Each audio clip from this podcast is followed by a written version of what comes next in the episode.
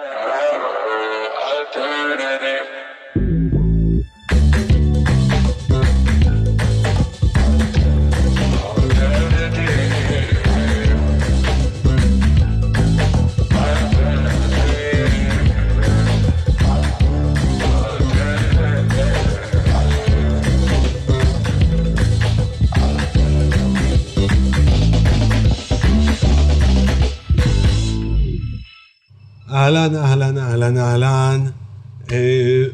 ברוכים הבאים, אלטרנטיב.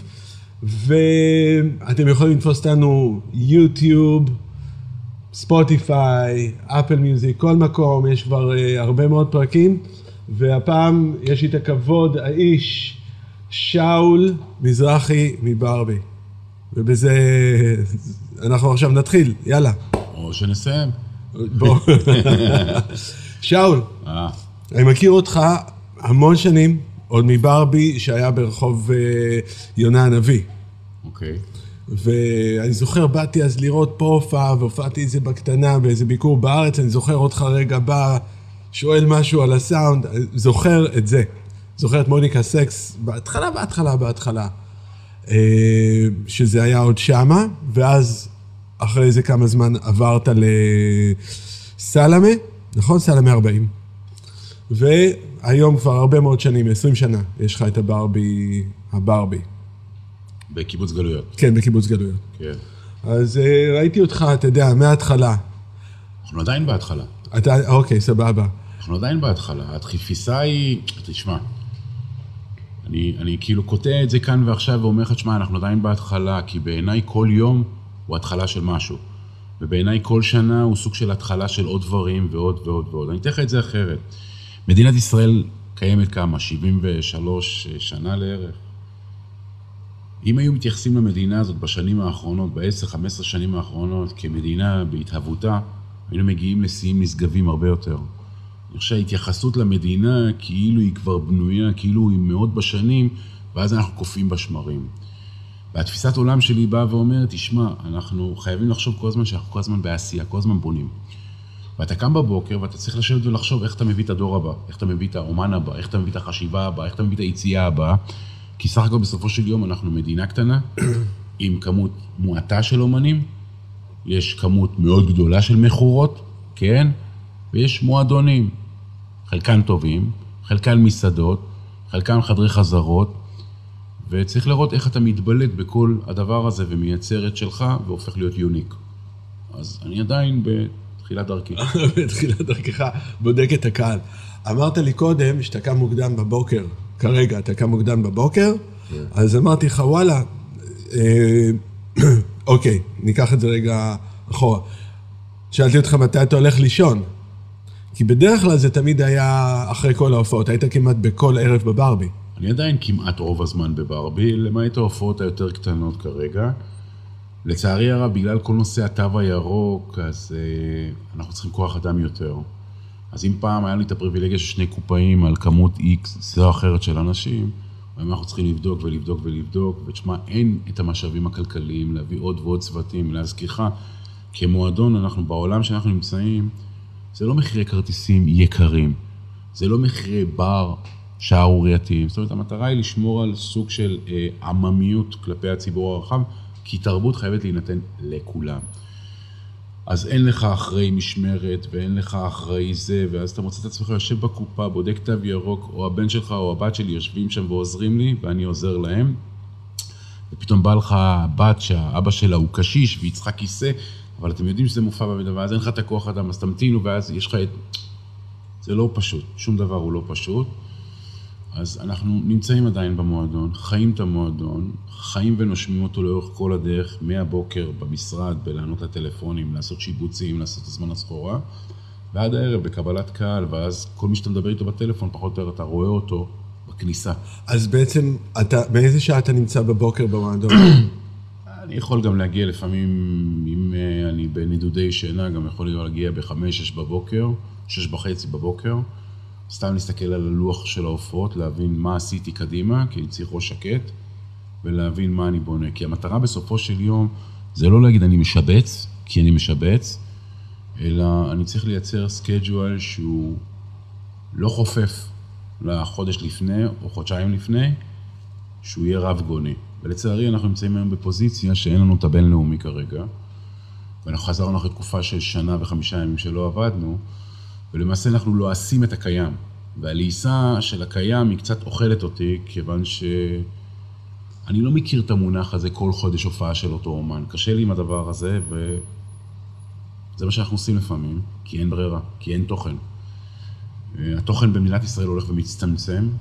אני, בשנתיים, שלוש הבאות, אני צופה בעייתיות מה גדולה בכל נושא של תכנים ובמה, ולו בגלל הסיבה הפשוטה, אחד, אין התפתחות של הדור הבא, כמו שצפוי ורוצים, ויתרה מזאת, האומנים הנוכחים כבר פחות או יותר מעדיפים ללכת לעבודה יותר קלה, הם התמכרו למכורות. מעטים האומנים היום שמקטטים רגליים ופותחים קופות ועובדים בעבודה של פעם, העבודה הקשה. כולם היום מייצרים שיר לחתונה, או כולם היום מייצרים אלבום לאיזה מופע או מופע לאירוע. ולצערי הרב אנחנו, משהו משתנה לנו בכל התעשייה הזאת.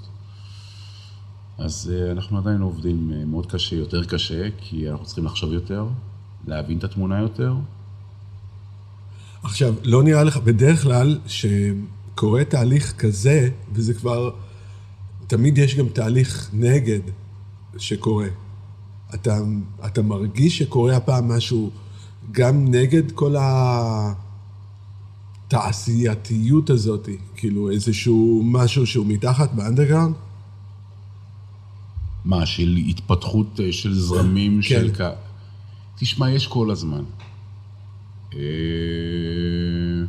אני מדבר על קטע שאתה חושב שזה יהיה, אתה יודע, יותר משמעותי בעתיד. אני עוד לא מבין את השאלה. לא מבין מה. אוקיי. בתוכן, במה? כן, בתוכן ובאיזשהו אולי רצון של הקהל. כאילו, אם אתה רואה עכשיו איזשהו, אתה יודע, זרם... תשמע, אני לא יודע אם זה הלהקות שמגיעות לברבי כרגע, כי ברבי לא, גדול... אני, אני אסביר לך משהו. תשמע, אנחנו היום עסוקים במערום בלתי נדלה של כלום. כלום ואוויר. אני אתן לך את זה בדוגמה, כבודם של כל מי שאני הולך להגיד הוא במקומו, אבל אני מתייחס רק למהות של התוכן. סטטיק הוא בן אדם גאון בעיניי, הוא בן אדם מבריק, הוא בן אדם עם ראש, אבל בינינו, את הבום, whatever, אה, ואת השירים, אנחנו לא ניקח איתנו לעוד long run. אה, אלא לי, אנחנו לא מבינים את השירים. אתה מבין? כאילו זה דור אחר שממציא לך איזה שפה שהיא ג'יבריש בין לבין לבין לבין, וזה לא שירים שאתה לוקח איתך. זאת אומרת, זה לא שירים שאתה תחיה איתם, זה לא שירים שיהיו ללונגרן. ויש לא מעט אומנים כאלה, לצערי הרב, שהם כאילו ההגדרה וההכתרה של אה, אה, קברניטי גלגלצ, או התקשורת המטומטמת הזאת, ובסופו של יום אתה מוצא את עצמך בעולם שהוא כולו ריק. עכשיו, זה גם טוב. ולמה זה טוב?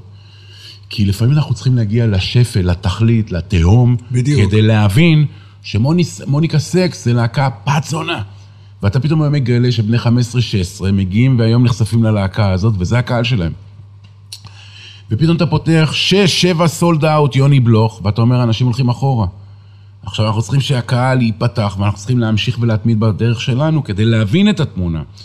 זאת אומרת, אנחנו צריכים להגיע לכזה תהום התחתיות, לכזה שפל, של אין מוזיקה ואין מוזיקה ואין מילים ואין תוכן. שמע, שירים זה דבר שאמור לגעת בך.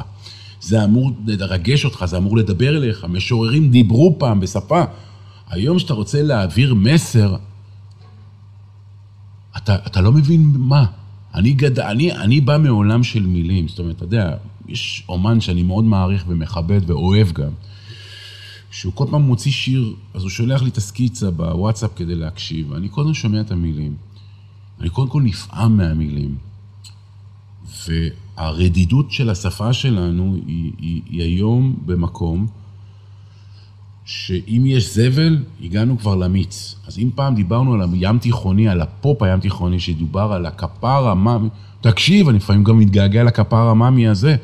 אתה מבין? כי מתחת לזה יש עוד רובד, אפרופו שאתה מדבר עליו, שהוא באמת מהומה רבה לא דבר. אז אתה רואה את כל התקשורת, ההיא בזוגיות עם זה, והוא עם זה, וההיא הלך עם זה, והוא עם זה, והוא עם זה, ובצמד, ו... ואתה שואל את עצמך, תגיד לי, איפה נמדד אומן? במה שהתקשורת מייצרת, או בפתיחת קופות? מתי ישבת לי האלעלי הזה, או סטטיק וכאלה, באמת עם הערכה גדולה, ופתחו קופות אמיתיות. עכשיו תשמע, כמעט וזה לא קורה. ופתיחת קופות בעיניי זה הסמן הכי נכון, הכי בדוק והכי טוב לתת פרספקטיבה לאומן, איפה הוא ממוקם ואיפה הוא נמצא. כי יש לא מעט אומנים שהמכורות, השמונה, עשר, חמש עשרה מכורות, נותן להם תחושה שהם נמצאות שם, הם נמצאים שם. וזה לא ככה. ואז הם באים לפתוח קופה וחוטפים את הסטירת לחי המצלצלת. ובדרך שאלת אותי, תגיד לי, מה נהיה פה עם כל האורחים האלה? זה האוזלת יד של כל התעשייה הזאת. אומן לא מסוגל להחזיק במה לבד, אז הוא מביא פסטיבל שלם בשביל הופעה אחת. אז היום הקהל כבר לא מסתפק במופע של אומן אחד, אלא הוא שואל איפה הפסטיבל ואיפה האירוחים. הבנת? אז רגע, שנייה.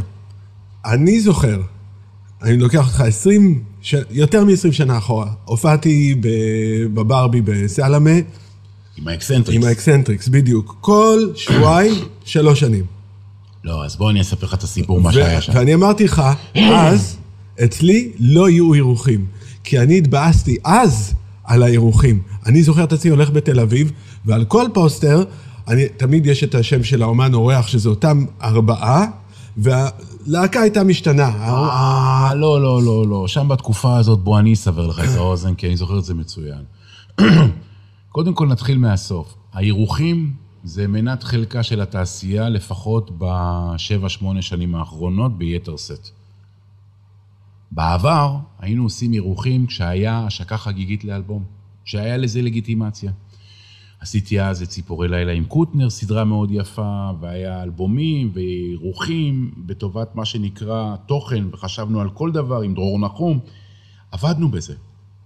חשבנו איך מביאים יש מאין, עשינו סדרה עם אמיר לב, ואמיר לב, כאילו עשינו את אביתר בנאי ואת רפי פרסקי ואת ערן צור, וחשבנו מאיפה מביאים איזה עניין ואיפה מביאים משהו. עכשיו, מה המהות של אירוחים?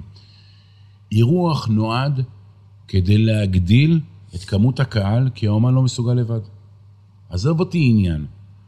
אף אומן לא מסוגל להביא סתם אורחים כי בא לו ובפאן שלו. הוא צריך חזרות בשביל זה, ובוא, אנשים מחפשים את העבודה הקלה. שלא יספרו לאף אחד סיפורים. או דרישה של מקום, או דרישה של הפקה, או whatever. אתה לא מסוגל למכור כרטיסים, אתה מביא קצת אורחים. אתה עושה השקה חגיגית, זה הדבר הכי לגיטימי להביא אורחים, וזה בסדר. אני היום רואה את קהילת ההיפ-הופ. קהילת ההיפ-הופ זה הדבר הכי מדהים והכי קואופרטיבי שקיים. הם, אחד תומך בשני. זאת אומרת, אתה רואה מלא מלא חבר'ה צעירים, כולם זמרים, כולם מייצרים, כולם מייצרים, יש קהילה שלמה וכולם תומכים בכולם. וזה משהו שראוי להערכה ולהערצה. מאוד, מאוד, מאוד. ואתה רואה את זה וזה, וכל אחד מה... אתה יודע, טדי נגוסה מגיע ויש לו schedule שלם של אומנים, וכולם, איך אומרים, נשענים, כן?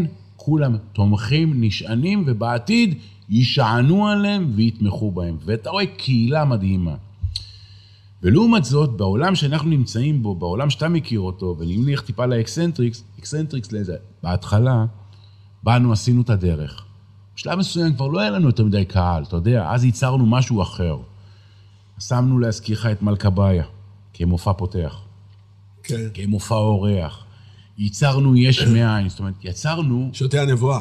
קומבינציות מוזיקליות שינסו להפרות. לך איתך רחוק. אמיר לב זה סדרה שעשיתי בעברי הרחוק בברבי הישן, ב-30 שקל כרטיס. אמיר לב היה אומן מוערך מאוד, אבל בלי קהל. ולקחנו את זה כסדרה והתחייבנו על שלושה חודשים, פעם בשבוע. עכשיו, מה היה הטריק? אמרנו, הופעה תהיה ב-10, והיה הופעה שנייה ב-11. אז את ההופעה הראשונה של אמיר, שאמורה להיות ב-10, התחלנו ב-11, שכבר בא קהל של ההופעה השנייה ונחשף אליו. זה היה התרגיל כדי לחשוף אותו. התחלנו בפרויקט, לכאורה, שהוא ללא הצלחה, ב-30 שקלים דאז, והגענו לממדים של הצלחה מטאורית. חשפנו את האומן לעוד ועוד רבדים של קהל. זאת אומרת, בעבר גם אביתר התארח דאז, ורפי פרסקי הבאנו, וערן צור, התארחנו, אירחנו, עשינו, עשינו, היה עבודה. הבמה הפכה להיות ג'ם סיישן פתוח שבקרובו נעשה גם תקליט דאז, או דיסק שנעשה בדבר הזה. זאת אומרת, היית רואה את חדוות היצירה ואת העשייה, כאילו, אתה לא מרגיש שזה... בוא נעשה בארטרים. זה לא שם. לימים גם השלישייה הזאת נסעה לניו יורק או לאמריקה כדי להופיע ביחד, כי הזמינו אותם ומימנו להם את זה. אז אתה רואה את זה, ולימים גם קינחנו בהופעות גדולות והכול. אתה ראית משהו אחר, אתה ראית איזושהי דרך, חשיבה, ראייה, יצרנו יש מאין. היום לצערי הרב אתה רואה את האירוחים האלה כאומן אחד, עם שניים, שלושה, ארבעה אומנים, אתה לא יודע מי האומן המוביל בהופעה הספציפית. ולצערי הרב התחושה היא של מה שאתה אומר, של הקלות הבלתי נסבלת של פסטיבלים. ובזה אין לי מה לומר לך, חוץ מזה שאתה צודק, זה מעצבן, וזה רק מוזיל אותנו כתעשייה, שאנחנו לא מסוגלים לבד. אתה מבין? הרי לדייט לא תבוא עם בחורה, לא תבוא עם עשרה גברים. אתה מבין? יום אחד שאל אותי אומן, בוא, נרשה להיות לך בוטה. מה יש לך נגד האירוחים? אמרתי לו, אתה רוצה תשובה כנה, אמיתית ובוטה? הוא אומר לי, כן, שאול, כמו שאתה אוהב. אבל תגיד לי, אם אשתך הייתה עושה גנגבנג עם עשרה גברים, בסדר? היא הייתה מסתפקת בך לבד? אם קהל מקבל כל הופעה, חמישה עד שישה אומנים בכרטיס אחד, בשלב מסוים הוא יסתפק רק באומן לבד? No way. בן אדם השפיל מבט, הסתובב, נכנס לחדר אומן, אומר לי, אין לי מה להגיד. ואני בוטה מאוד, נכון, ואני קיצוני מאוד, אבל אני חושב שמשהו בדרך הלך לנו פה לאיבוד. כן, אני לא ראיתי מדינה שיש לה יותר אירוחים מאשר מדינת ישראל בקטע של אה, הופעות. זה פשוט לא יאומן. אני לא מכיר את זה בשום מקום אחר. אז אה, אני מסכים, אבל אני רואה איפה זה התחיל כבר פעם. זה לא התחיל עכשיו. זה התחיל, זה ב nineties זה היה לגמרי. זה היה לגמרי. אני זוכר את זה. לא היה את הכמויות, אבל תמיד היה אומן אורח. על כל פוסטר כמעט היה אומן אורח. כן, אבל קהל שרואה יוטיוב היום וספוטיפיי שומע, זה לא קהל שחי את התקופה הזאת, זה חי את התקופה של ההוויה הנוכחית. וההוויה הנוכחית, לצערי הרב, היא, אתה רואה את האומנים המתארחים, אז תשמע, אני אתן לך את זה אחרת. אוקיי. יסמין מועלם אני מאוד מעריך ומאוד אוהב, אבל יש היום הופעה בלי יסמין מועלם? לא. כאילו, אומן לא חושב גם על עצמו? זאת אומרת, אתה יודע, בעולם הפרסום, יותר מעשרה ימים פרסומת שרצה בטלוויזיה, היא מייצרת את האפקט ההפוך. אומן לא חושב על האפקט ההפוך? יש בין לאהוב אותך לבין לשנוא אותך, המרחק הוא מאוד קצר. במה. כל במה צריכה להיות נוגה ארז. אמיתי, נכון יש ביקוש, אני מבין. כל במה צריך להיות ברי סחרוב. נכון, יש ביקוש, אני מבין, אבל... תן תחושה שקצת יתגעגעו אליך. תווסת. יש לך את, התור... את המתארחים התורנים, הסדרתיים, ובסוף אתה מוצא את עצמך באיזו סיטואציה שאתה אומר לעצמך, טוב, פנינו לאן? אז עכשיו אתה אמרת שהרבה פעמים, אתה מאוד נהנה לבוא כמעט כל ערב לברבי, בשביל לבדוק את הקהל, לראות איך זה... לא. איך, איך, ללמוד את הקהל החדש. לא, לא, אני כבר שנים על גבי שנים יוצא החוצה, אחרי שאני מסיים לעבוד בטלפון עם האנשים ועושה את העבודה המשרדית שלי, שהיא למעשה עבודה אפורה. אבל uh, אני יוצא החוצה, זאת אומרת, אתה מדבר עם אנשים בטלפון, נכון? אתה לא יודע מי הם ומה הם. היום אנחנו, בוא ניתן לך תזה פשוטה איך זה עובד. על פניו, נכון להיום, אנחנו כולנו, רובכם, אני לא שם, אין לי לא פייסבוק, אין לי לא אינסטגרם, אני אפילו יודע להיכנס לדברים האלה. הציבור באשר הוא בעולם נמצא ברשתות חברתיות. זאת אומרת, הוא נמצא בעולם של פייק. עולם שהוא מביע רגשות, קמתי, הלכתי, אכלתי, חרבנתי, ישנתי, שכבתי, כאב לי, כואב לי, יש לי, אין לי, הכל, הכל קבל עם ועולם. עכשיו, אתה גם מסתובב ברחובות, אתה רואה את האנשים מצלמים, אתה רואה מלא זוויות, מלא חיוכים, ואחרי שנגמר הצילום שהוא מעלה, פתאום אתה רואה את הפרצוף העצוב עוד כן. פעם וכיוצא בזה. זאת אומרת, אנחנו עולם שהוא כל כולו פייק. עכשיו, אני בחרתי לא להיות בעולם הזה, כי א', אין לי סבלנות יתרה, אני חושב העולם הכי רחב שלי זה וואטסאפ. משם אני עובד פשוט. ואפילו לפייסבוק של הברבי אני לא איך נכנסים, שתבין את הפרדוקס. עכשיו, כשאתה נמצא בעולם שהוא כולו מעטפת, שהוא כולו קירות, אני, הקשר הישיר שלי והחד משמעי והבלעדי שלי זה קשר הפנים של האנשים. עכשיו תבין, על פניו זה נשמע הדבר הכי משעמם, מתיש, אבל אם אנחנו מתייחסים לזה ברמה של רזולוציית עבודה, זה הדבר הכי גאוני, הכי מבריק והכי נכון. למה? אמנם מתיש, בסופו של דבר, כשמגיע קהל, אתה רואה מי קהל היעד שלך. אתה רואה את הנפשות הפועלות, אתה מבין מי הקהל, מה הגילאים שלו, מה החשיבה, מה התפיסה. אני עושה ניתוח נתונים ועיבוד נתונים, מה נכון לי, מה לא נכון לי, מה קורה עם האומן. מתי אני מצעיר לו את הקהל, שהרי ברגע שהאומן מצעירים לו את הקהל, נכונה לו דרך ארוכה, אתה מבין מה קורה כאן. ולפעמים יש לך הופעה של 200-300 איש, ואתה אומר, רגע, אני אבדוק אותה, ואתה רואה מי הקהל, ואתה אומר, בוא'נה, יש פה פוטנציאל אדיר. ואתה מגלה שבקיבעון ובהתמדה, עם התובנה של מה שקורה בכניסה, ועם שאתה קולט, אתה מפתח דברים. אני חושב שברבי השתנה המון בשנים האחרונות כתוצאה מזה שהפכתי להיות עוד יותר פרונט. עכשיו, אנשים אפילו לא יודעים מי אני עד השנה של הקורונה, שרצתי מתוכנית אחת למשנה. והיו אנשים שהיו מגיעים ואומרים, בוא'נה, אתה עדיין עובד פה. אני אומר, כן, אני עובד מסור, אז לא רצו לפטר אותי. אבל זה תהליך.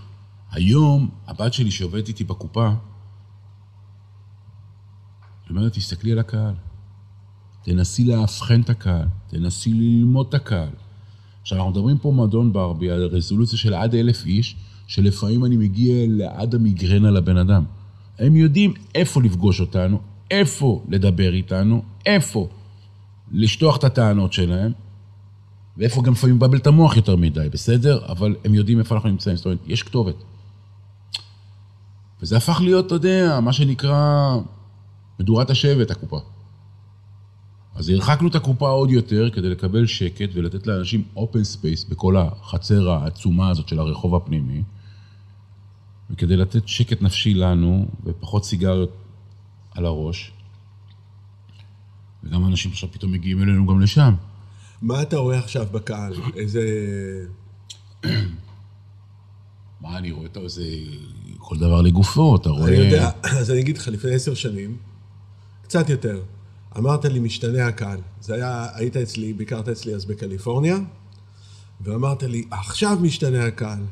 יש איזה שהוא, אני רואה את ה... ברור. את הזה, זה היה אז, אוקיי. ו... תקשיב, גם היום אנחנו רואים את זה. תשמע, בוא, אני אגיד לך משהו, אה, תשמע, יש לך כוכבים חדשים, יש לך אומנים חדשים, יש לך אומנים חדשים מצוינים, יש לך אומנים חדשים עצמאיים מצוינים, שיודעים לנווט את הקריירה של עצמם בצורה חכמה ורהוטה.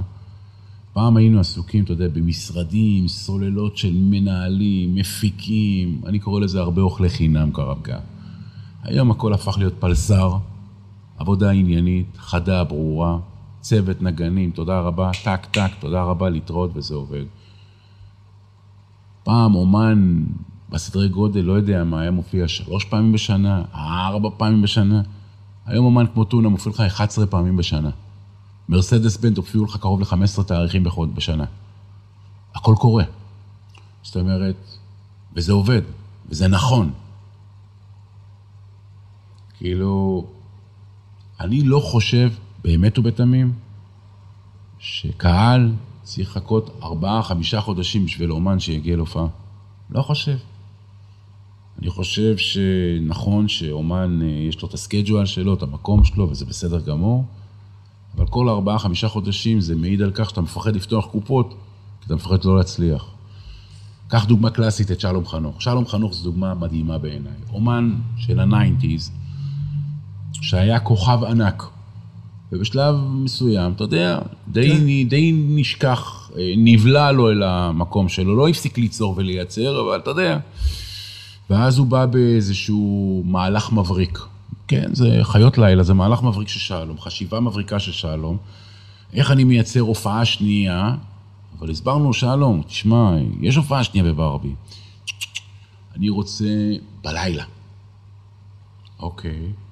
אנחנו יושבים אצלו בבית ומנסים להבין את המהות של מה שהוא מנסה להגיד, ופתאום נופל לי האסימון, מה הוא רוצה. הוא בין הראשונים שהשכיל להבין מה זה קיבעון, מה זה התמדה ומה זה דרך. הוא חינך אותי בצורה יפה לתובנה ולהבנה הזאת. שלימים אחר כך באתי והצעתי את זה גם לפורטיס, ופורטיס פתאום הפך להיות מה שנהיה איתו. כי בשלב מסוים אמרתי לו, פורטיס, כקהל, איפה אני מוצא אותך? מה הזהות שלך? אז הוא אומר, אתה מציע לי מה שאתה עושה עם שלום? אמרתי לו, אם אני קהל שלך, איפה אני מוצא אותך? אתה היום פה, מחר אתה פה, מה, מה, מה? והוא הבין את התמונה, ופשוט יצרנו גם דרך. חיות לילה זה הבית ספר הכי גדול של תעשיית המוזיקה מפי שלום חנוך. הקיבעון וההתמדה הובילה להצלחה. זה אומן שידע להמציא את עצמו מחדש ולהחזיר את עלומיו. והיום אני אומר לך, הכל קורה, כל מי שישמע אותי, אוי לאחד שיפספס את ההופעה הזאת, שלא יגיד מתישהו בחיים שלו, היה לי הזדמנות ללכת לראות ולא ראיתי. חוכמת הבדיעבד היא כבר לא חוכמה בעיניי.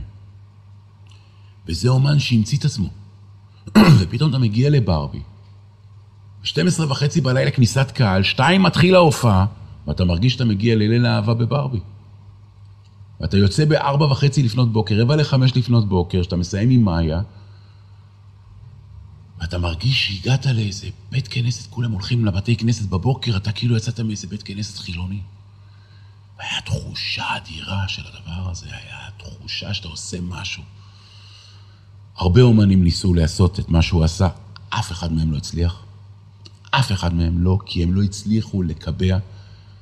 הם הגיעו בגלל מה שיצר ההד של שלום, אבל לא היה להם שום תוחלת של אחיזה. לא היה להם מה שנקרא קיבעון, לא היה להם יכולת להתמיד. היה להם מנהלים, היה להם עסקנים, היה להם חכמים, לא השכילו להבין את מה שהוא עשה שם. וזה משהו שאני מעריך אצלו, אוהב אותו אהבת נפש, את הבן אדם הזה. ופתאום אתה שומע באמצע הלילה את פראג בברבי. אתה בכלל מתאר לעצמך שאתה שומע את פראג בברבי?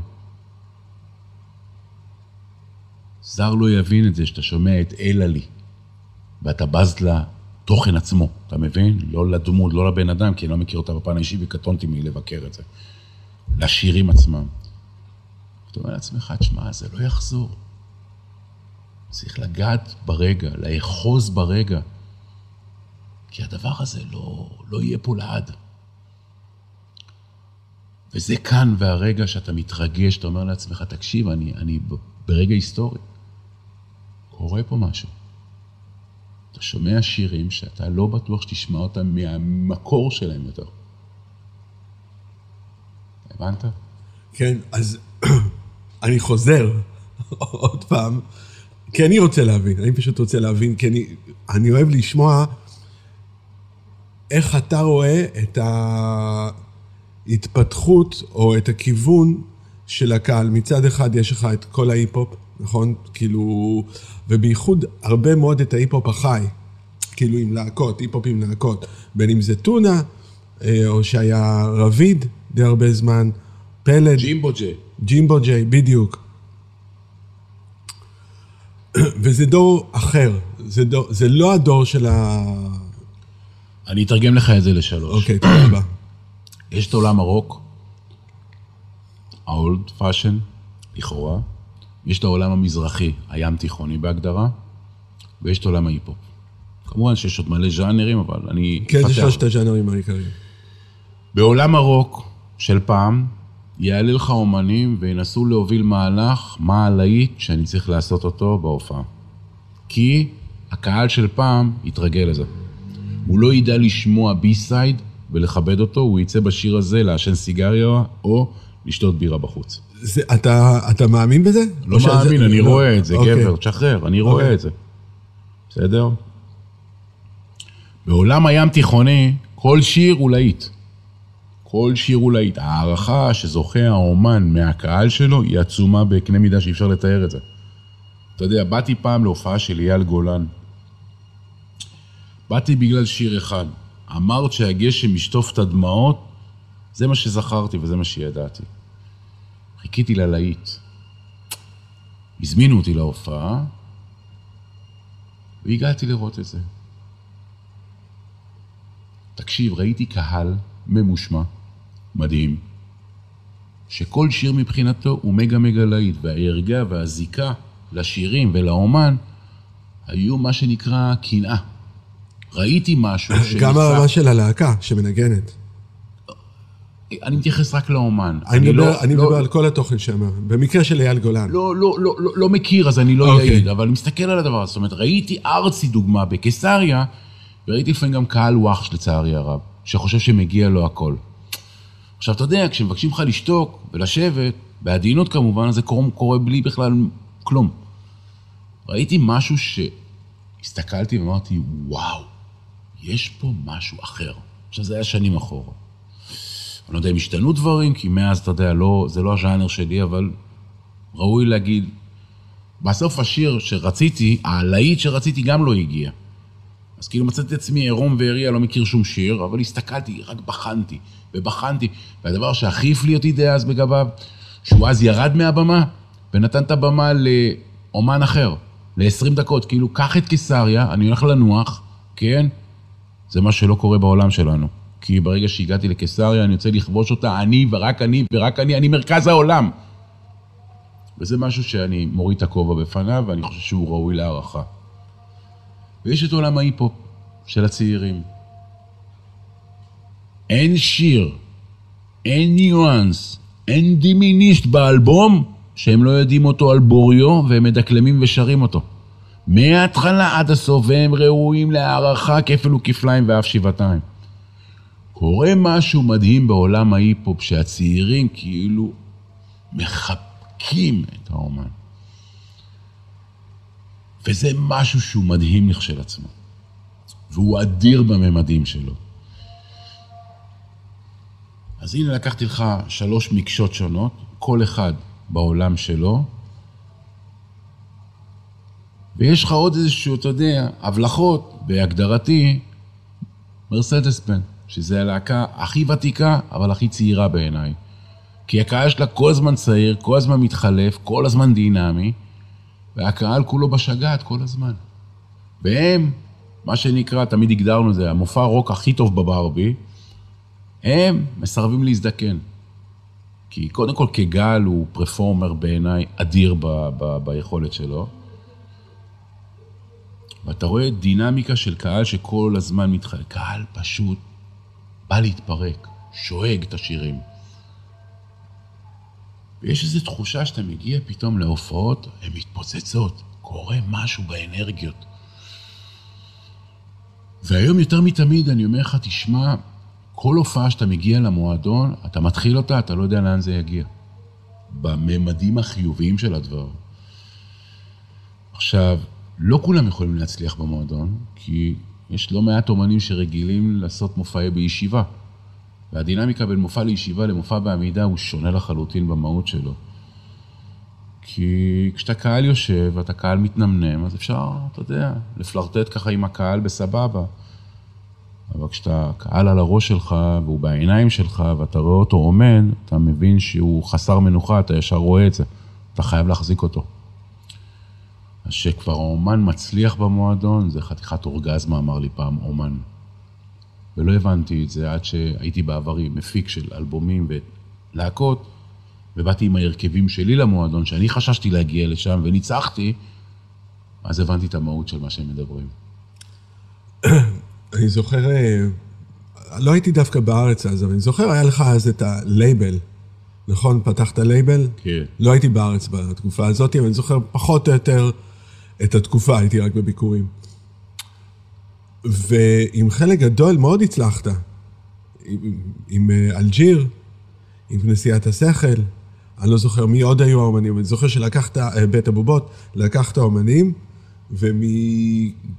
וממעט מאוד קהל הבאת אותם להמון המון קהל, ואז טאק, החלטת לוותר על, ה, על התענוג. תשמע, קודם כל, הסיפור הזה התחיל בתום לב. הייתי בטוח שכאילו לא מייצרים אלבומים, אז אם אני אייצר אלבומים, אז מחכים רק לי. לא הבנתי את המטריה של מה שקורה בשוק, ולא הבנתי אז את המהות של גלגלצ. באתי בתום לב לדברים האלה, אבל באתי עם הרבה נחישות. אה, לימים זה התחיל מזה שהמאבק הראשון שלנו, בין היתר, היה מול אה, קובלנץ וגלגלצ. אה, זה היה אז תחנה רעה מאוד, תחנה שולטת, תחנה מונופוליסטית, תחנה מנוולת בהגדרה. ומה שפגע בי זה כשהייתי מקבל את רשימות הפלייליסט, כי אני מפיק וחברת תקליטים, וכל שבוע היה אותם אה, רשימות, אותם שמות, אותם דברים. ומה שקרה זה שבאמת הוצאנו את אלג'י, לפני זה הוצאנו את בוטל מתוק בקרקס, הוצאנו את עופר שריקי, תומר ממיה, הוצאנו גם את, אה, את בית הבובות בהמשך, אחר כך נרחיב, כנסיית השכל נרחיב, אבל מה שקרה עם אלג'יר זה משהו שהוא בעיניי סיפור מעניין. אלג'יר, אני מכיר את אביב גט ואת גבריאל עליו השלום בלחסן עוד מהתקופה של אה, ברבי ביונה הנביא. שניהם עבדו בפיצוצייה, אני הייתי ביונה הנביא שמונה, הם היו ביונה הנביא עשר. הם היו עובדים בפיצוצייה בלילה. אני הייתי גר ביונה הנביא 24. אז זהו, אז אני הייתי מגיע שם, והם עובדים, ואני כל פעם הייתי מכניס את הכף יד, לוקח חופן של קשיו. שתבין, חופן של קשיו אצלי, בכף יד הזאת זה לפחות שתי קילו. והיינו יושבים, מדברים תוך כדי שהמוזיקה רצה שם וכיוצא בזה, וככה הכרנו, התוודענו, ולימים גם שפירקנו את הברבי ועברנו לסלמה, גם גברי, גם אביב, באו לעזור לי לפרק ולהעביר את הדברים. את המתי מעט הציוד הרעוע שהיה שם. והכרנו, וכשאני שמעתי את החומר וראיתי את הדברים, וגם אביב ואלג'יר הופיעו בברבי והכל, אה, אמרתי להם, תנו לי את הזכות ואת הכבוד לעשות את האלבום. אבל, כמו שהוא בסקיצות, רק במקום סיקוונסים, אני עושה כלי מיתר אמיתיים וכיוצא בזה, זה מה שרציתי, לא לשנות כלום. לימים גם אליקון נתנו הצעה, ואז הם הלכו לאליקון, ואז הם באו, וטוב, בואו נשנה פה, ובואו נהיה יותר קומוניקטיביים, ובואו נהיה פה, ובואו נעשה פה, כמו שמייג'ור יודע לעשות.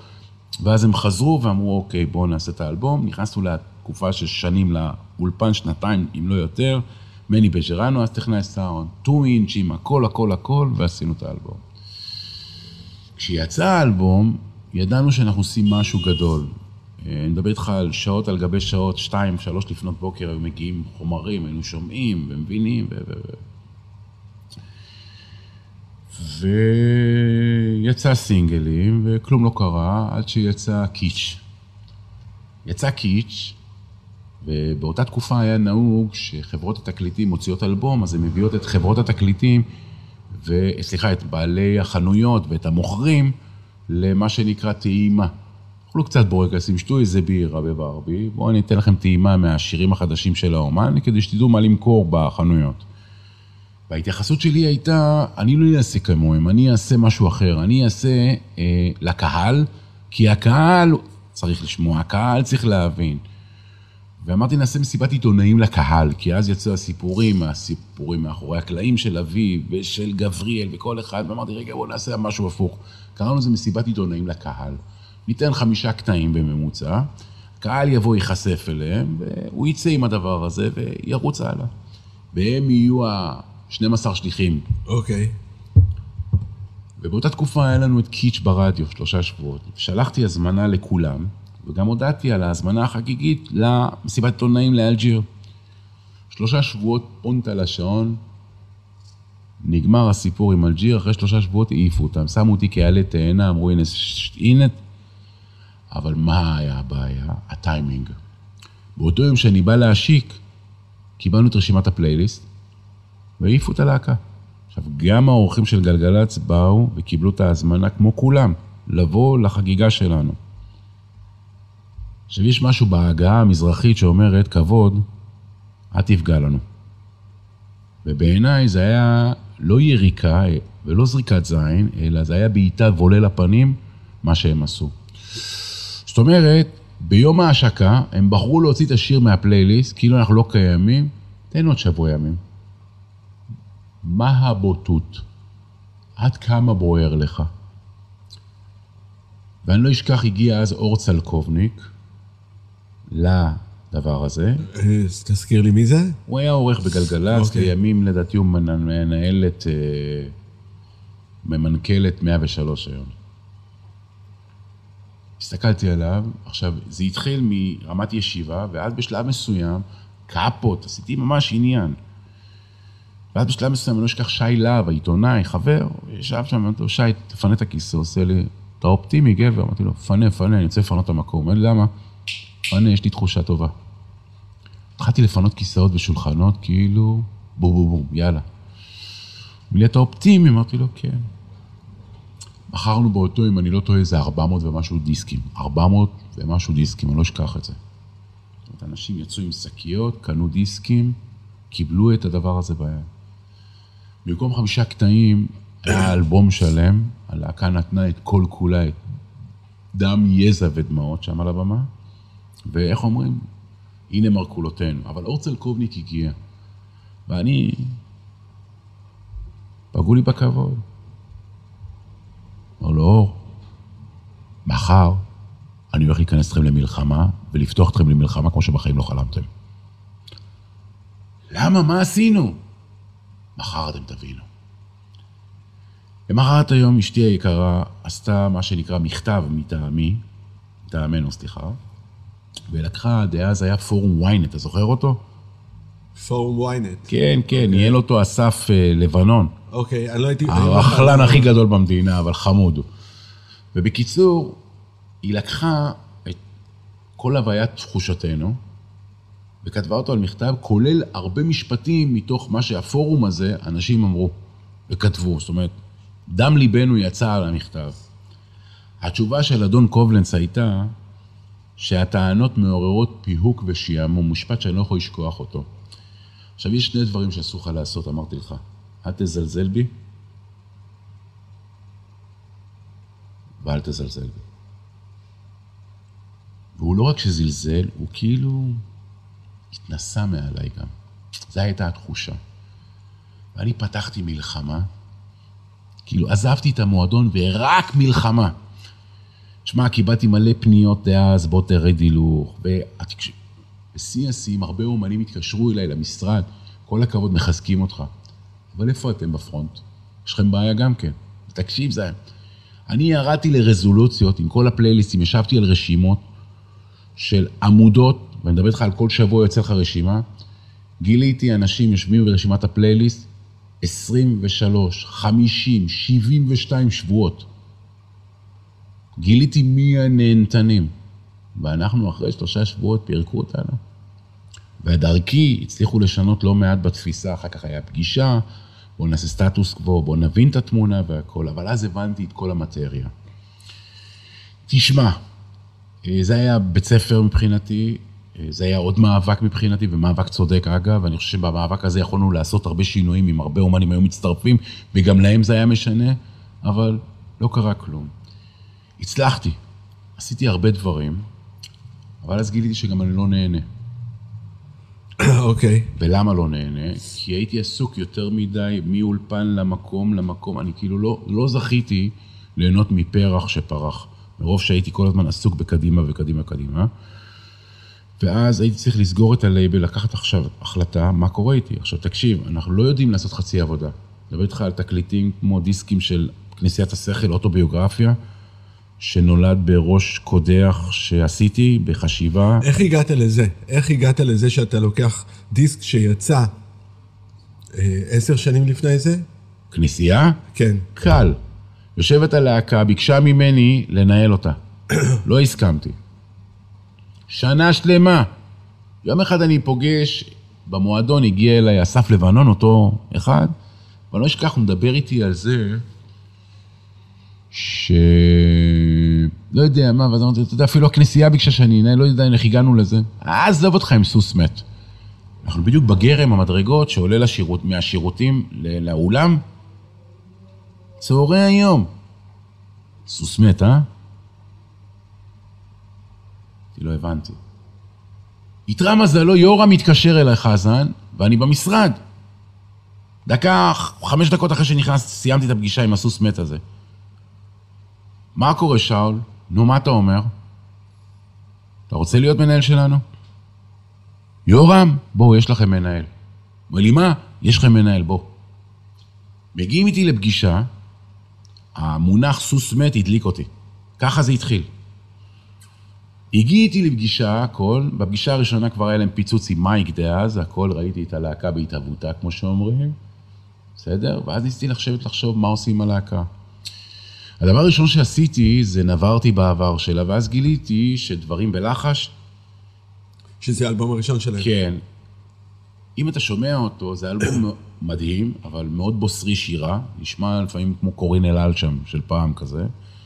הגיעה להקה משדרות, לא מתופף, לא שום דבר, ואמרתי, בואו נעשה משהו שם. בואו רגע נעשה איזושהי הבנה ותובנה, נתחיל להניע. ואז אמרתי להם, בואו נעשה איזה עיבוד קצת. ואז אמרתי, אוקיי, וזו הייתה תקופה שעשיתי עם אלג'יר, והיה אמי רייז, ועשיתי פה ועשיתי שם, ואז הבאתי את עמי, ואמרתי, טוב, בואו נעשה עיבודים. לא, בוא תביא את יוני בלוך. לא מתאים לכם, יוני. למה? עמי.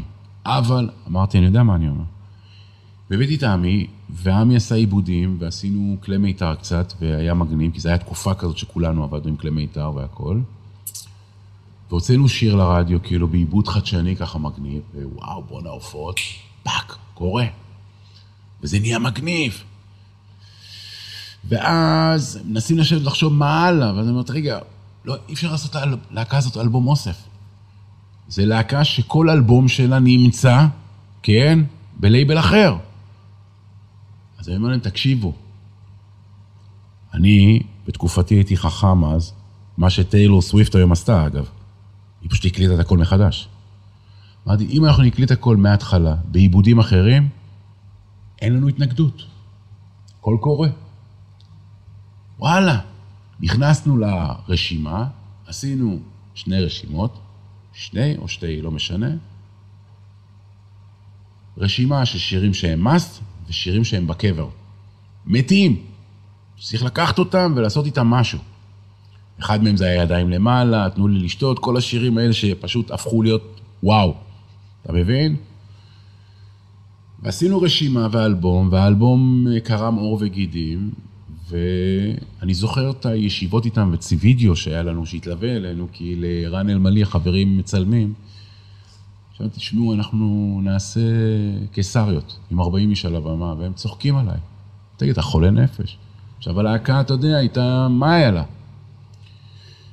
והיה חזון, היה הבנה והיה תובנה, ואני בונה את זה ועושים את זה, והם עובדים, והתקליט הרקיע שחקים בממדי הכלכליים שלו, ואנחנו אנשים צנועים ופשוטים, אין לנו כסף. התקליט הגיע למאות אלפי שקלים. אני לא אשכח גם שמצאתי את עצמי באיזה דיכאון, כאילו, ריבונו, מאיפה אני מביא את הכסף? איך אני אשלם את הכל? והפרפקציוניזם הזה של הטווינץ' והמערכות ונגנית נבל ועוד, ואין! אתה יודע, החוסר פשרה הזה. אבל אתה בתוך פולמוס העשייה ולא מתפשרים, ואני מוצא את עצמי, מסדרים להם פסטיבל ישראל, ואומר לי יורם, תקשיב שאול, אם אנחנו מגיעים לפסטיבל ישראל, מבחינתי הגענו לשיא. ואני זוכר את עצמי בתור מנהל, יושב איתם, ואומר, חבר'ה, בואו, אני באמת רוצה לשמוע קודם כל מה החלומות שלכם. מה ההבנה שלכם? מה התובנה שלכם? לאן אתם רוצים אתם? קודם כל, כאילו, בואו נבין את המאוויים שלכם. ואני שומע אותם, שומע אותם ושומע אותם, ואני לא אשכח שמצאנו את עצמנו באחד מהדירות של אחד מחברי הלהקה. הסתכלתי ככה מסביב ואמרתי לעצמי, החלום שלי, והפרויקט הראשון שלי, זה לקחת אותם למקום יותר כלכלי, כדי שיצאו מהחור המגעיל הזה, הדלוח הזה, הבית מת לנפול הזה. וזה חלום שהגשמתי, וזה באמת ביני לבין עצמי זה היה, איך אומרים, הגדרתי את זה. לקחתי להקה עם שותה ערק, וסיימתי את הלהקה שותה גלן מורנג'י. אבל הפרויקט היה פרויקט מדהים. יומיים שלושה לפני המופע בקיסריה, אחרי שעשינו בענייני האומה, פסטיבל ישראל, שעשה, פתח לנו דלתות מדהימות, כי הפרויקט לא יצא, והשקנו אותו בפסטיבל ישראל, והוא היה וואו, כי יצרנו באז מאוד טוב. אני לא אשכח את הכמות אס.אם.אסים שקיבלתי מתל אביב על, על התקליט, על ההופעה, זה היה משודר בגלגלצ דאז. אנשים שלחו לי הודעות, לא ידעו מה, מה קורה, ולקחנו שלושה ימים בענייני האומה כדי שהכל יעבוד. אתה יודע, לא, לא התפשרתי בכלום. ובברושור בסוף רשמנו שאנחנו נפגש בקיסריה, זאת אומרת, סיימנו את בנייני האומה, היה לנו כבר תאריך בקיסריה. זאת אומרת, בניתי תזת עבודה והכל, ואני לא אשכח שאני שואל את עמי שלושה, ארבעה ימים לפני קיסריה, תגיד לי, כמה נגנים יש לנו? תספור. הוא אומר לי, 36, 7. אמרתי לו, התחייבתי על 40 בעבר, תמצא לי עוד נגנים. נעמוד גם בזה. והגענו לקיסריה, והיינו סולד אאוט בקיסריה, וגם היה לי איזה מאבק אה, עיקש ומכוער מול ידיעות דאז, שקראו שאנחנו חלטורת ועדי עובדים, וזה לא אמיתי מה שקורה, כי באנו מנוהוור, ופתחנו קיסריה והצלחנו, והיו בטוחים שחברת אה, הפקה קנתה אותנו, ופתחנו קיסריה, ואנחנו שופוני אנס. ועוד פעם פגעו לי בכבוד. בקיצור, אה, דרך לא קלה, דרך חתחתים, דרך מאתגרת מאוד, דרך מדהימה. לימים גם עשינו טור בארצות הברית ובקנדה, ולימים גם עזבתי, והחלטתי שזה לא בשבילי. אוקיי, אז הנה.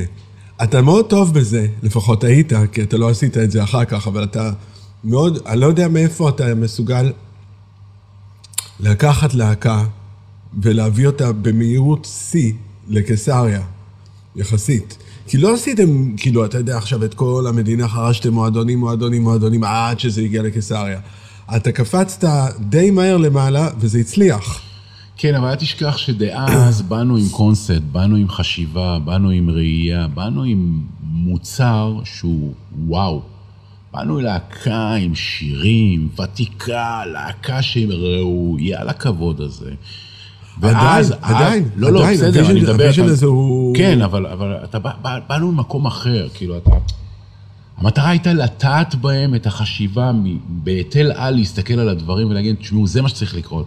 לטעת בהם את הביטחון העצמי. תקשיב, הם היו סקפטיים. יש לי וידאו, DVD, צילמנו אותו פעמיים בגלל שהתאורן פישל באחד מההופעות, צילמתי אותו פעמיים, אתה יודע כמה עלויות זה? יש DVD מאחורי הקלעים, אני צועק עליהם במשרד, אני אומר, תאמינו בעצמכם, אנחנו נגיע לשם. תאמינו. עכשיו, אני בא ואומר, תקשיב, התפקיד בסופו של יום ורגע, לטעת באנשים את הכלים ואת ההבנה ואת התובנה. אנחנו אמורים להיות מנטורים, לכוון. אני לא מוזיקאי, אני לא יודע לנגן, אני יודע להקשיב. אני יודע להתעצבן. עכשיו, תקשיב, עבדתי מהלב וגם לקחתי ללב. אה, לימים כאילו עזבתי כי כבר די, נגמרתי. אני לא יודע לנתק רגשות, אני לא יודע את המקום הזה. אז היום את כל המאוויים, אני מסתכל, אתה יודע, על, על הדור הבא. אני רואה איזה פוטנציאל, דרך זה, דרך זה. תקשיב, טדי נגוסה, ראיתי אותו לפני כמה חודשים, שהוא אמרו לי שהוא יוצא עם... ברגע שהוא מגיע, אני רוצה אותו. אני רוצה לבנות את זה. טדי, אני רוצה לעשות איתך הכל. תקשיב, הוא אחד הראפרים בעיניי הכי גדולים. הוא בן אדם מדהים, בן אדם מנומס, בן אדם מקסים, בן אדם מדהים. אתה רוצה לעבוד עם האנשים האלה? סימה נון, זה בעיניי הבזבוז הכי גדול כרגע, היא יכולה להיות יותר מיסמין מועלם, יותר מנוגה ארז. היא זמרת, היא, היא, היא, היא הכל. אני חושב שההתנהלות שלה היא לוקה בחסר. אנחנו כציבור מפסידים. למה? כי הם מפחדים להגיע למקומות להעז. מה יקרה? מה יקרה? בסופו של דבר תצא בחיים, הכל בסדר גמור. מה יקרה? אתה בא לברבי, אתה מחבר מנגן, אין לך fix price, אין לך שום דבר, אין לך שום דרישות, תבוא, מה יקרה? מה כבר יקרה? לראות מקום ריק? זה רק יאתגר אותך, זה רק יבנה אותך, זה רק ידרבן אותך. ובעיניי היום ההסתכלות של האומנים, אין היום מספיק מנהלים באמת שרואים חזון, רואים עתיד. כולם, אתה יודע, מנסים לפרוע את השטר כמה שיותר. יאללה, יש לנו להקה מצליחה, יאללה, יש פס אדום בברבי, סולד אאוט, יאללה, בוא נממש את זה, בוא נעשה מכורות, בוא... לאן אתם ממהרים? לאן אתם ממהרים?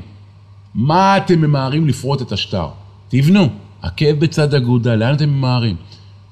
תקשיב לי טוב, אנחנו בתקופה מהרעות שיש במדינת ישראל בנושא של תוכן. כל פסטיבל, כל פסטיבל, יסמין מועלם, נוגה ארז, ברי סחרוב, whatever, כולם אותו דבר. מה הייחודיות של הפסטיבלים אם כולכם עושים העתק הדבק? מה הייחודיות? איפה המעוף של המפיקים?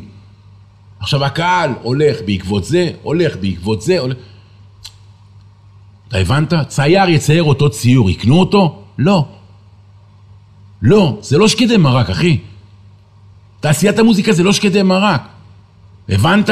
אני יכול לאכול שקדי מרק כל הזמן. אני לא יכול לראות את הופעה, תביאו קצת מעוף, צאו מכליכם, תדרבנו, תשקיעו, תעשו. לא. וזה כבר משהו שהתעשייה הזאת מאוד יקרה, כי זו תעשייה שהיא חשובה מאוד. משהו פה הולך וקלה לנו, הפכנו לצערי הרב, אני רואה את זה לסוג של איזה מוצר סיני נחות בחלק מהמקרים. וזה מתסכל לראות את זה. אין עומק, אין חשיבה.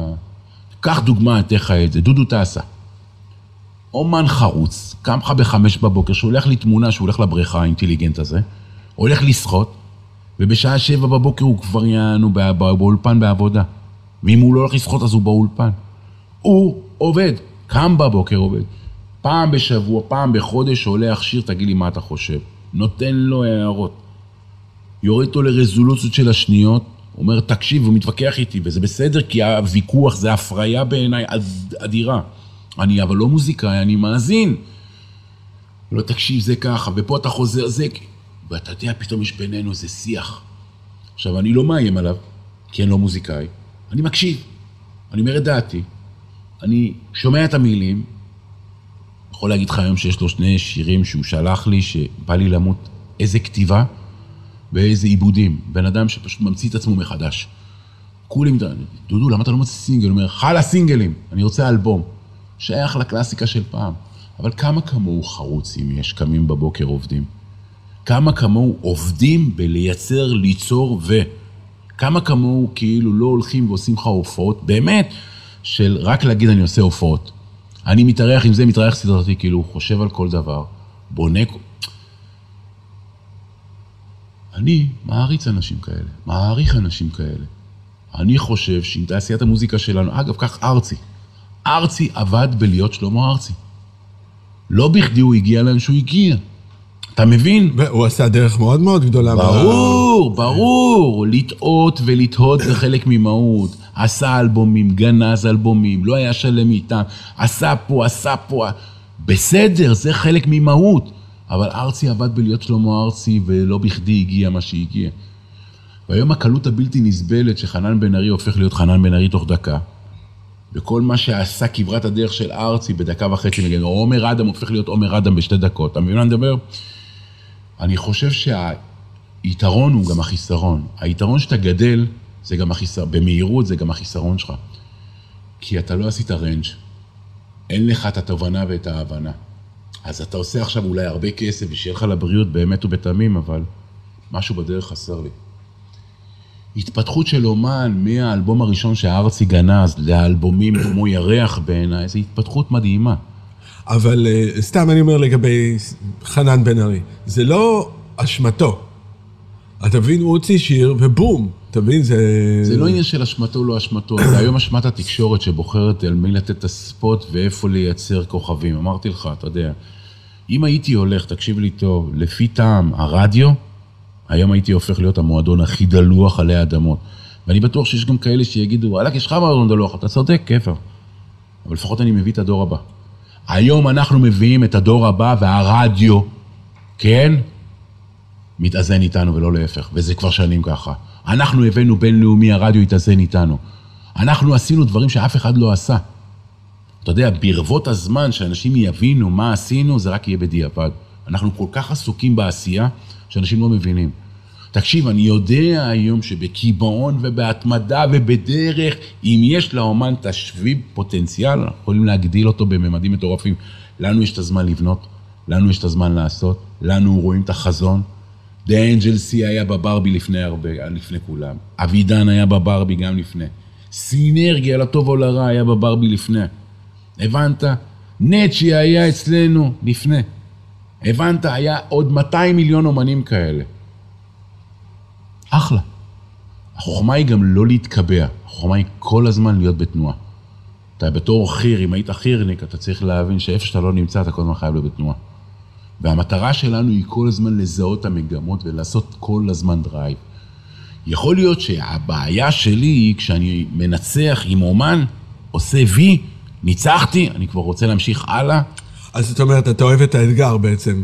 קודם כל האתגר זה בין הדבר הכי מדהים בעיניי. אבל לא, הנה, קח דוגמה קלאסית. טונה זה בעיניי הברי סחרוף של עולם ההיפ-הופ. ביכולת כתיבה שלו, בעיניי הוא הוואו הכי גדול. גם ג'ימבו ג'יי הוא כותב אדיר. טוב, כשיש לך אימא מורה ללשון זה משהו אחר, אבל... אבל עולם הדימויים שלו הוא עולם, אתה יודע, מדהים בעיניי.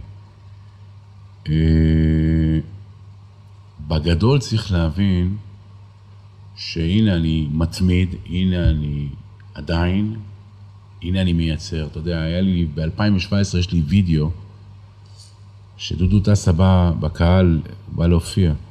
יש לי וידאו שצילמו אותי, אומר לאור, אור, אתה חייב להחליף את הקהל של דודו. אז הוא אומר לי, למה? אני אומר לו, הקהל בכניסה שואל מה יש לאכול. וכשקהל בכניסה שואל מה יש לאכול, אתה מבין, זה קהל זאפה פר אקסלנס. שמכיר תמונה אחת בלבד, ישיבה, אוכל. אתה צריך לשנות פאזה לאומן. עמידה, אין אוכל. אז הוא אומר לי, אבל למה?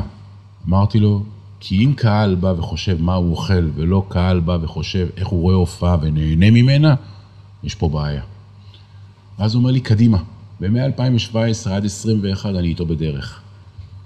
היום אנחנו רואים שוני של 180 מעלות בקהל, קהל אחר לחלוטין, קהל צעיר, קהל ששר את השירים, קהל שלא שואל מה יש לאכול. קהל שבא לראות הופעה, להתמוגג מהופעה, יודע שהוא בא לעמוד, ובא לקבל את התרבות דרך הרגליים, ולא דרך התחת. איך אתה מתמודד עם לחצים, ויש לחצים? לא, אני יודע, מעבר ל... אני יודע, אתה גם לוקח, אה, אתה ספן. תשמע, קודם כל, אם הכל היה על מי מנוחות, זה היה boring. אני לצערי הרב נתקל בלא מעט אה, סיטואציות, אבל אה, אני skipper, כן. והמנטור שלי פעם סיפר לי, ניר שפריר, בחור יקר, אמר לי, תקשיב שאול, שחציתי איתו את האוקיינוס. כשאתה משנה את כיוון המפרשים, צריך שיהיה לך סבלנות ואורך רוח, כי לרוח לוקח זמן עד שהיא מתחילה להניע את המפרש ועד שזה קורה. וכשזה קורה, אתה מבין שיש משהו. אם לא יהיה לנו את האורך רוח ואת הסבלנות להבין את התמונה הזאת, ונרצה את הכל כאן ועכשיו, מה שמה פאסט פוד, אין לנו סיכוי לשרוד עוד דקה.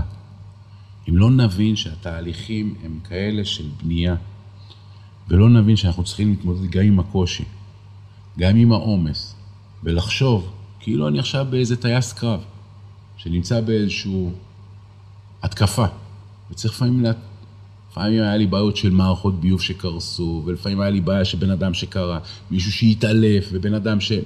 וצריך פה לדחוף מזגן, ופתאום הקהל החליט האומן שהוא מעלה. תקשיב, אתה צריך לחלק את עצמך בהרבה, בהרבה מאוד, בערב אחד. היום, לצערי הרב, עם הבדיקה של התו הירוק מאוד קשה לנו. פעם היינו פריבילגיים.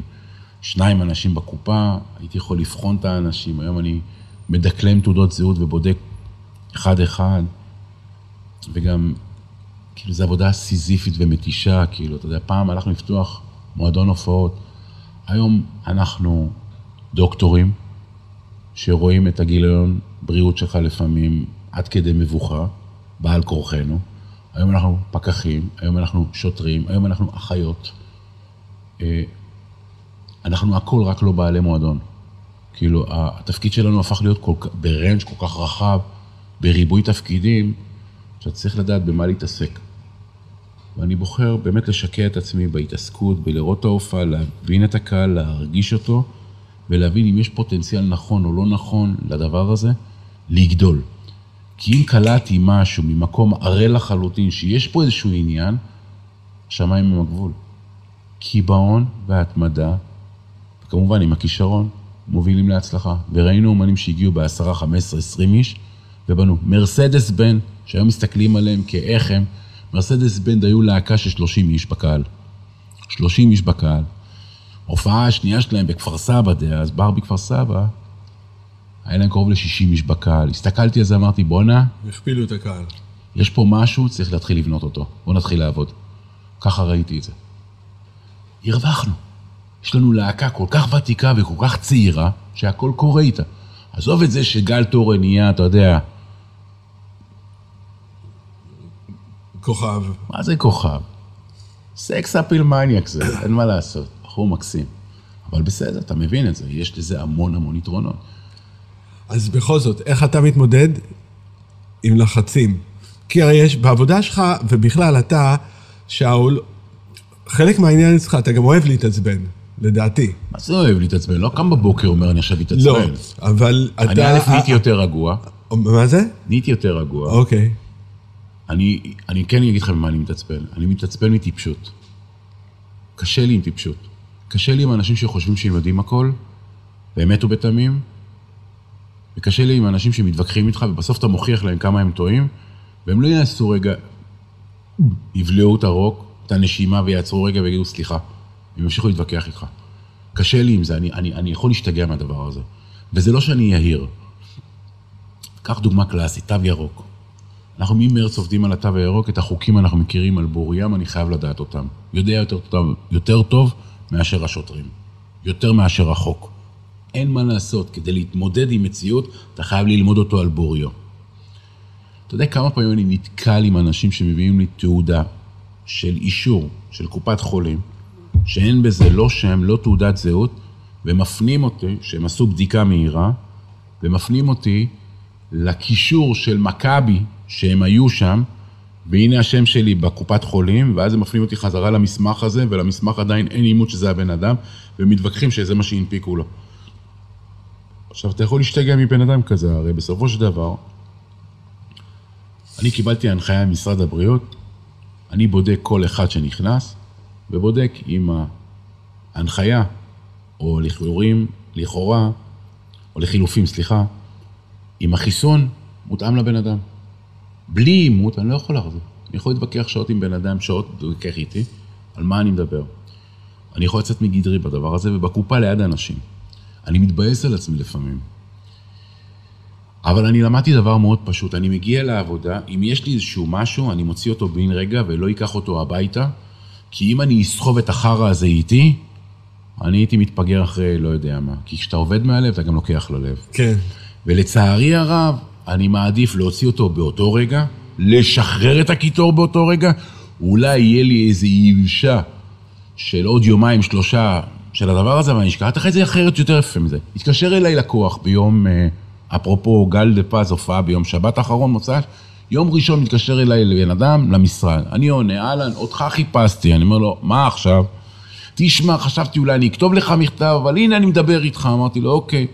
אמרנו שהברבי הוא סוג של שבט צופים? בבקשה, הנה המרכז. כן, דבר, מדריך, חניך, ווטאבר. הייתי אתמול, ואנשים בלי מסכה, אמרו לו, אח שלי, ומה אתה מצפה ממני? תאכפו, אמרתי לו. תקשיב, המסכה זה אינדיבידואל. הנחיה אישית והנחיה של מדינת ישראל שכל בן אדם ילך עם מסכה. אני לא יכול לאכוף 900 איש בעמידה. אתה יודע, שימו עליי קצוץ. ויכוחים מפה עד הודעה חדשה. אמרתי לו, תקשיב, אתה ואני, כן, לא נגיע רחוק. אני אעשה איתך הסכם. אמר לי, בבקשה. אתה מגיע ביום שבת הקרוב, אמרתי לו, לאתר מיינר. יש לך כרטיסים, 900 איש. בסדר? כמו שתבין, אתה מלווה אותי מהכניסה, משמונה וחצי בערב, אתה החכם שמטיף לי עכשיו, נכון? טוב מראה עיניים עם משמע אוזניים. אתה עכשיו בא איתי ועושה איתי את הדרך. בוא תראה לי אם אתה מצליח. ולפחות תנסה, אמרתי לו, אני אלך איתך, אני יודע גם במיקרופון, אני אזרום איתך. בוא תגיד לי מה יקרה פה.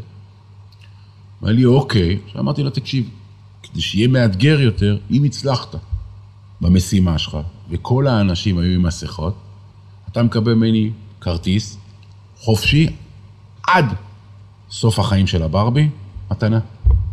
אבל אם לא, אתה תעשה לי וידאו שאתה מתנצל שהיית יהיר, שהיית בטוח שלייעץ מהצד זה זה זה, התחלנו הכל כבר היה כבר בהומור. אז ביום שבת יש לי אתגר כזה. עכשיו, באה אליי עינת, אומרת לי, תגיד לי, שאול, איך יש לך סבלנות? אמרתי, תקשיבי, קודם כל להקשיב זה תמיד טוב. לקבל ביקורת זה לא רע, רק מזה צומחים. ללמד זה דבר נפלא, ולטעות ולטעות, אין נשגב מזה. אולי הוא יכול ללמד אותי משהו שלא ראיתי, אולי אני אלמד אותו משהו שהוא לא רע, מה כבר זה קורה? בואי. ואני חושב שיש משהו מאוד קסום בזה שהמשרד פתוח והדלת פתוחה, ואנחנו עונים כמעט לכל אחד ואחד, ופונים לכל גחמה באשר היא. ואני חושב שעצם הפתיחות שלנו מייצרת סוג של עוד יותר קטליזטור מגניב בעשייה. לא להכל אנחנו אומרים כן, יש גם הזויים, ויש לא מעט גם טרחנים.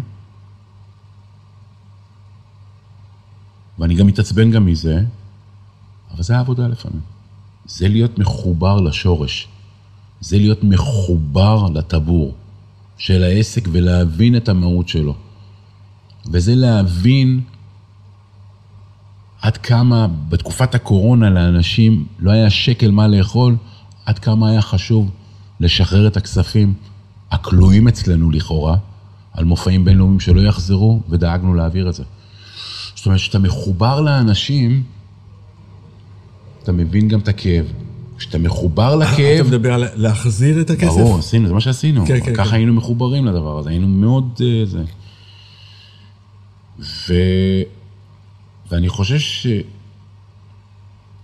היתרון, וזה החיסרון בעסק הזה. כי היתרון הוא למעשה שאתה כמעט נוגע בהרבה נקודות ומבין אותן, והחיסרון הוא שאתה לוקח את הכאב הזה, את ה... את ה... אתה יודע, אנשים לא יודעים גם לפעמים לדבר. אתה יודע, לא אחת ולא שניים, אני טורק טלפון בפרצוף, כי אנשים מרשים לעצמם לדבר בטלפון בצורה מאוד מאוד מכוערת. ובמיוחד אחרי התקופה הזאת של הטלוויזיה, שרצנו, נלחמנו והכל, והרי על מה נלחמנו? לא ביקשתי מכם לבוא לקנות כרטיסים. נלחמתי בממשלה שהבטיחה לנו פיצויים, ואמרתי, תביאו את מה שהבטחתם. ומצאתי את עצמי לא פעם, לא פעמיים שומע אנשים שפותחים את הג'ורה שלהם, והפכתי להיות רכוש של לא מעט אנשים כבר, שהרגישו שהם חלק מהבעלות עליי, והרשו לעצמם לדבר אליי בצורה מאוד בוטה, או לדבר בטלפון בצורה מאוד בוטה, כי הם הרגישו גברים. אז יש גם את החרא הזה, יש גם את הכאב הזה, אבל אתה משחרר באותו רגע. יצא לך להיות בסערות בלב ים? בטח, בטח, בטח. יצא לי להיות אה, לפחות פעמיים, אחד בים תיכון, באישון לילה, שעשיתי את המשית 60 שלי עם אשתי, ואז הייתי עוד אה, בחיתולי, כמו שאומרים. זה היה בים תיכון, ובאמצע הלילה מים פסטורלי הפכנו לים אגרסיבי מאוד, ויאכטה שלמה שפשוט קרסה חשמל, ונתקלנו בסיטואציה קשה מאוד, אבל מאתגרת, במיוחד עם אשתי, זה היה מדהים. וכן, הייתי שלושה ימים בתוך האטלנטי, שאמרו לי שאחרי כמה ימים יבוא לנו הסערה שיצאנו מברמודה, ולקחנו את החוות דעת ה... של חיל הים האמריקאי, של המזג האוויר, ואמרו לו, יש לנו ארבעה ימים מגניב כזה, ואחר כך יבוא הסערה. שאלתי, מה זה הסערה? אז אמר לי, ניר, אתה עוד תראה. באמת, ארבעה ימים אנחנו בשתיל מגניב של גלים שהם מרגישים לך כאילו אתה נמצא מאיפה במדבר. לאיפה? מברמודה לאזורים. זה היה שבועיים של אה, עוד הפלגה. זה- זאת אומרת, אתה חוצה את באנו ה... מפורטו ריקו לברמודה, שבוע ימים, אוקיי. ומברמודה, כן, שזה כאילו, אתה עושה פעתי משולש ברמודה, שגם שם אתה מבין מה המהות של משולש הברמודה, כי, כי אתה מרגיש כאילו אתה נמצא בתוך מדבר. כאילו, שום דבר, אין רוח, אין כלום, הכל תקוע לך שם, זה היה מדהים לראות את זה. ואז אתה מגיע לברמודה ומזווד את הסירה ונוסע לעוד שבועיים הפלגה אל הלא נודע וחוצה את האטלנטי לכיוון האזורים. שזה לכיוון אפריקה. לא, האזורים איפה זה? האזורים זה פורטוגל.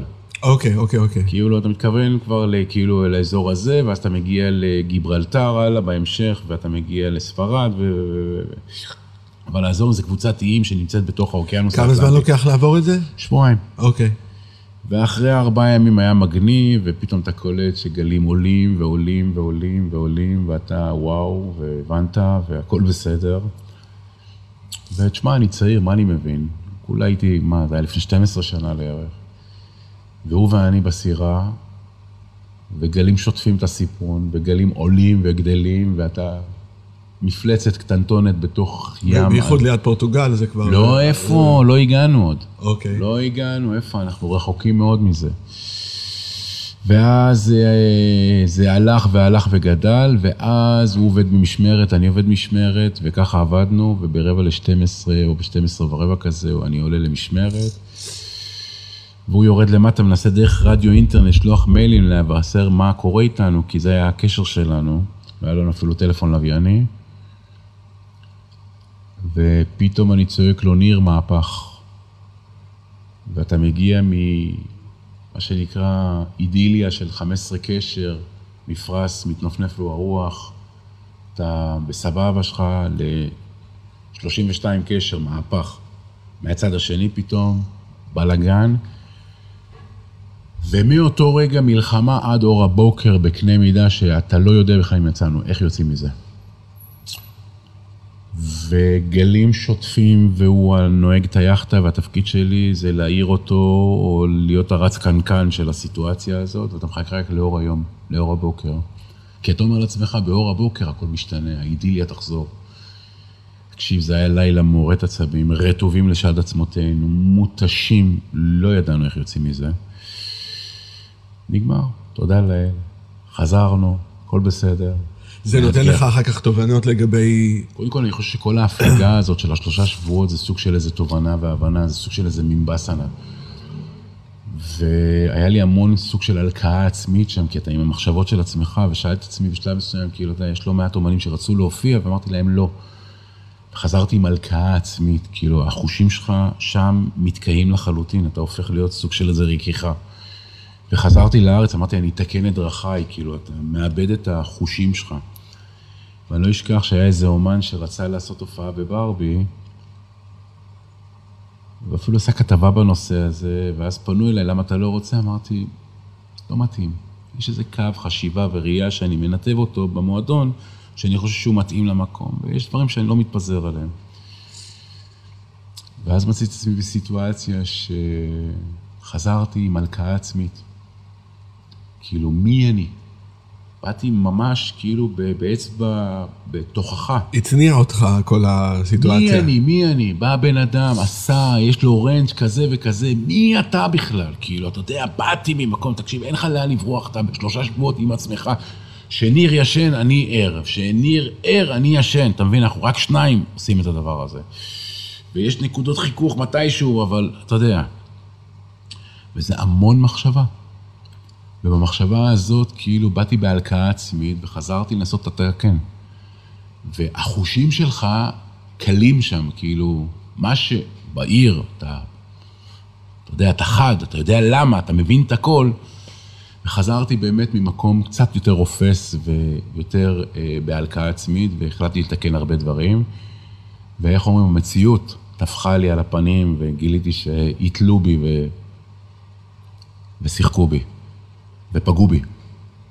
וזה משהו שבעיניי, א', אני ראוי לסליחה, בעיניי לפחות, מאותו אומן שעשה את התרגיל המלוכלך הזה, כי אני לא אחד שאוהב שהם משחקים איתו, כי אני יותר מדי דוך, אבל יש משהו שאתה חי את העיר, אתה חי את העסק, אתה... איך אומרים? אתה... אתה קשוב לכל רחש, אתה יודע, אתה, אינטואיט, אתה אינטואיטיבית להרבה דברים. זה המגרש שלך. והשלושה שבועות האלה ניתקו אותי לחלוטין, הייתי ערה לחלוטין, באתי בהלקאה עצמית, באתי ממקום של איך אני יכול להרשות לעצמי, מי אני בכלל? הקטנתי את עצמי עוד יותר ממקום של, שמע, זה לא לעניין. כשחזרתי לארץ, באתי לתקן את הדבר הזה, וכבר דיברתי אז עם היחצנית ודיברתי אז עם המנהל, אמרתי, כן, בואו נעשה את התיקון הזה. וכשנתתי את הבעת ההסכמה, אז הוא היה משול לאותו אחד שלאורך כל השנים מושך בצמא של הבחורה, שהיא אומרת לו, אוקיי, בוא נהיה בזוגיות.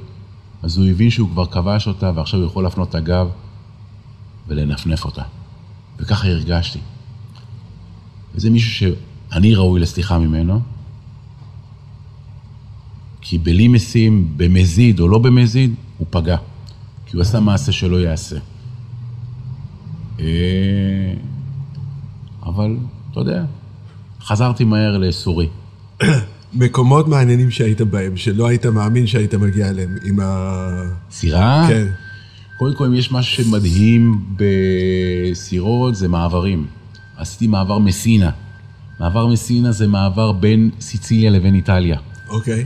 ובדרך כלל מעברים הם וואו. והמעבר הנוסף הוא בין הגיברלטר, שהאטלנטי נפגש עם הים תיכון. המעברים האלה הם עוצמתיים, הטראפיק שם הוא מדהים, כמות התנועה היא אדירת אה, מימדים. ויש עוד משהו מקסים, שבגיל 14, בגיל, סליחה, בגיל 13 של הבן שלי, אבא גדול, החלטתי שאני לוקח אותו לטיול גברים, שכרנו סירה, בקריבים, בקריבים. ממש, כאילו דילוג לקצה העולם, אני ועוד שני חבר'ה, טיול גברים קראנו לזה, והגענו ל-BVI, להקיף את אה, טרנט... אה, כבר שכחתי איך קוראים לו אזור, את ה-BVI עצמו. באתי מוכן, בניתי מסלול והכול.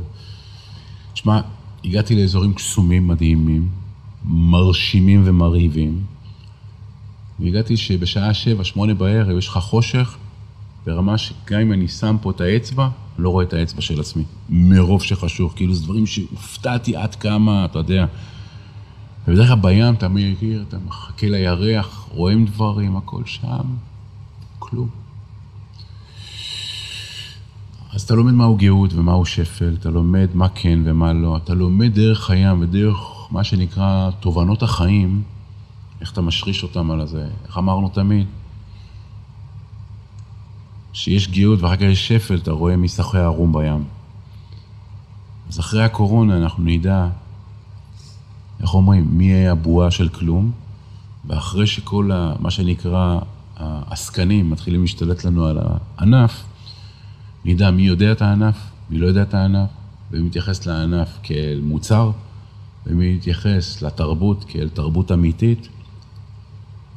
והזמן יעשה את שלו, ונראה לאן פנינו מועדות. יאללה, שאול, היה לי תענוג. כיף.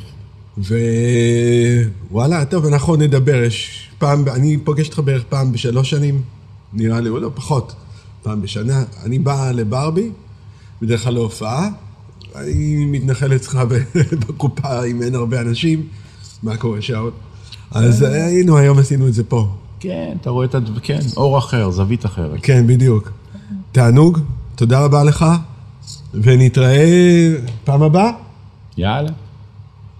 תודה לאודי. תודה לאודי, תודה לסלון בן דוסה, אה, ועכשיו נתראה בפעם הבאה. יאללה, נתראה.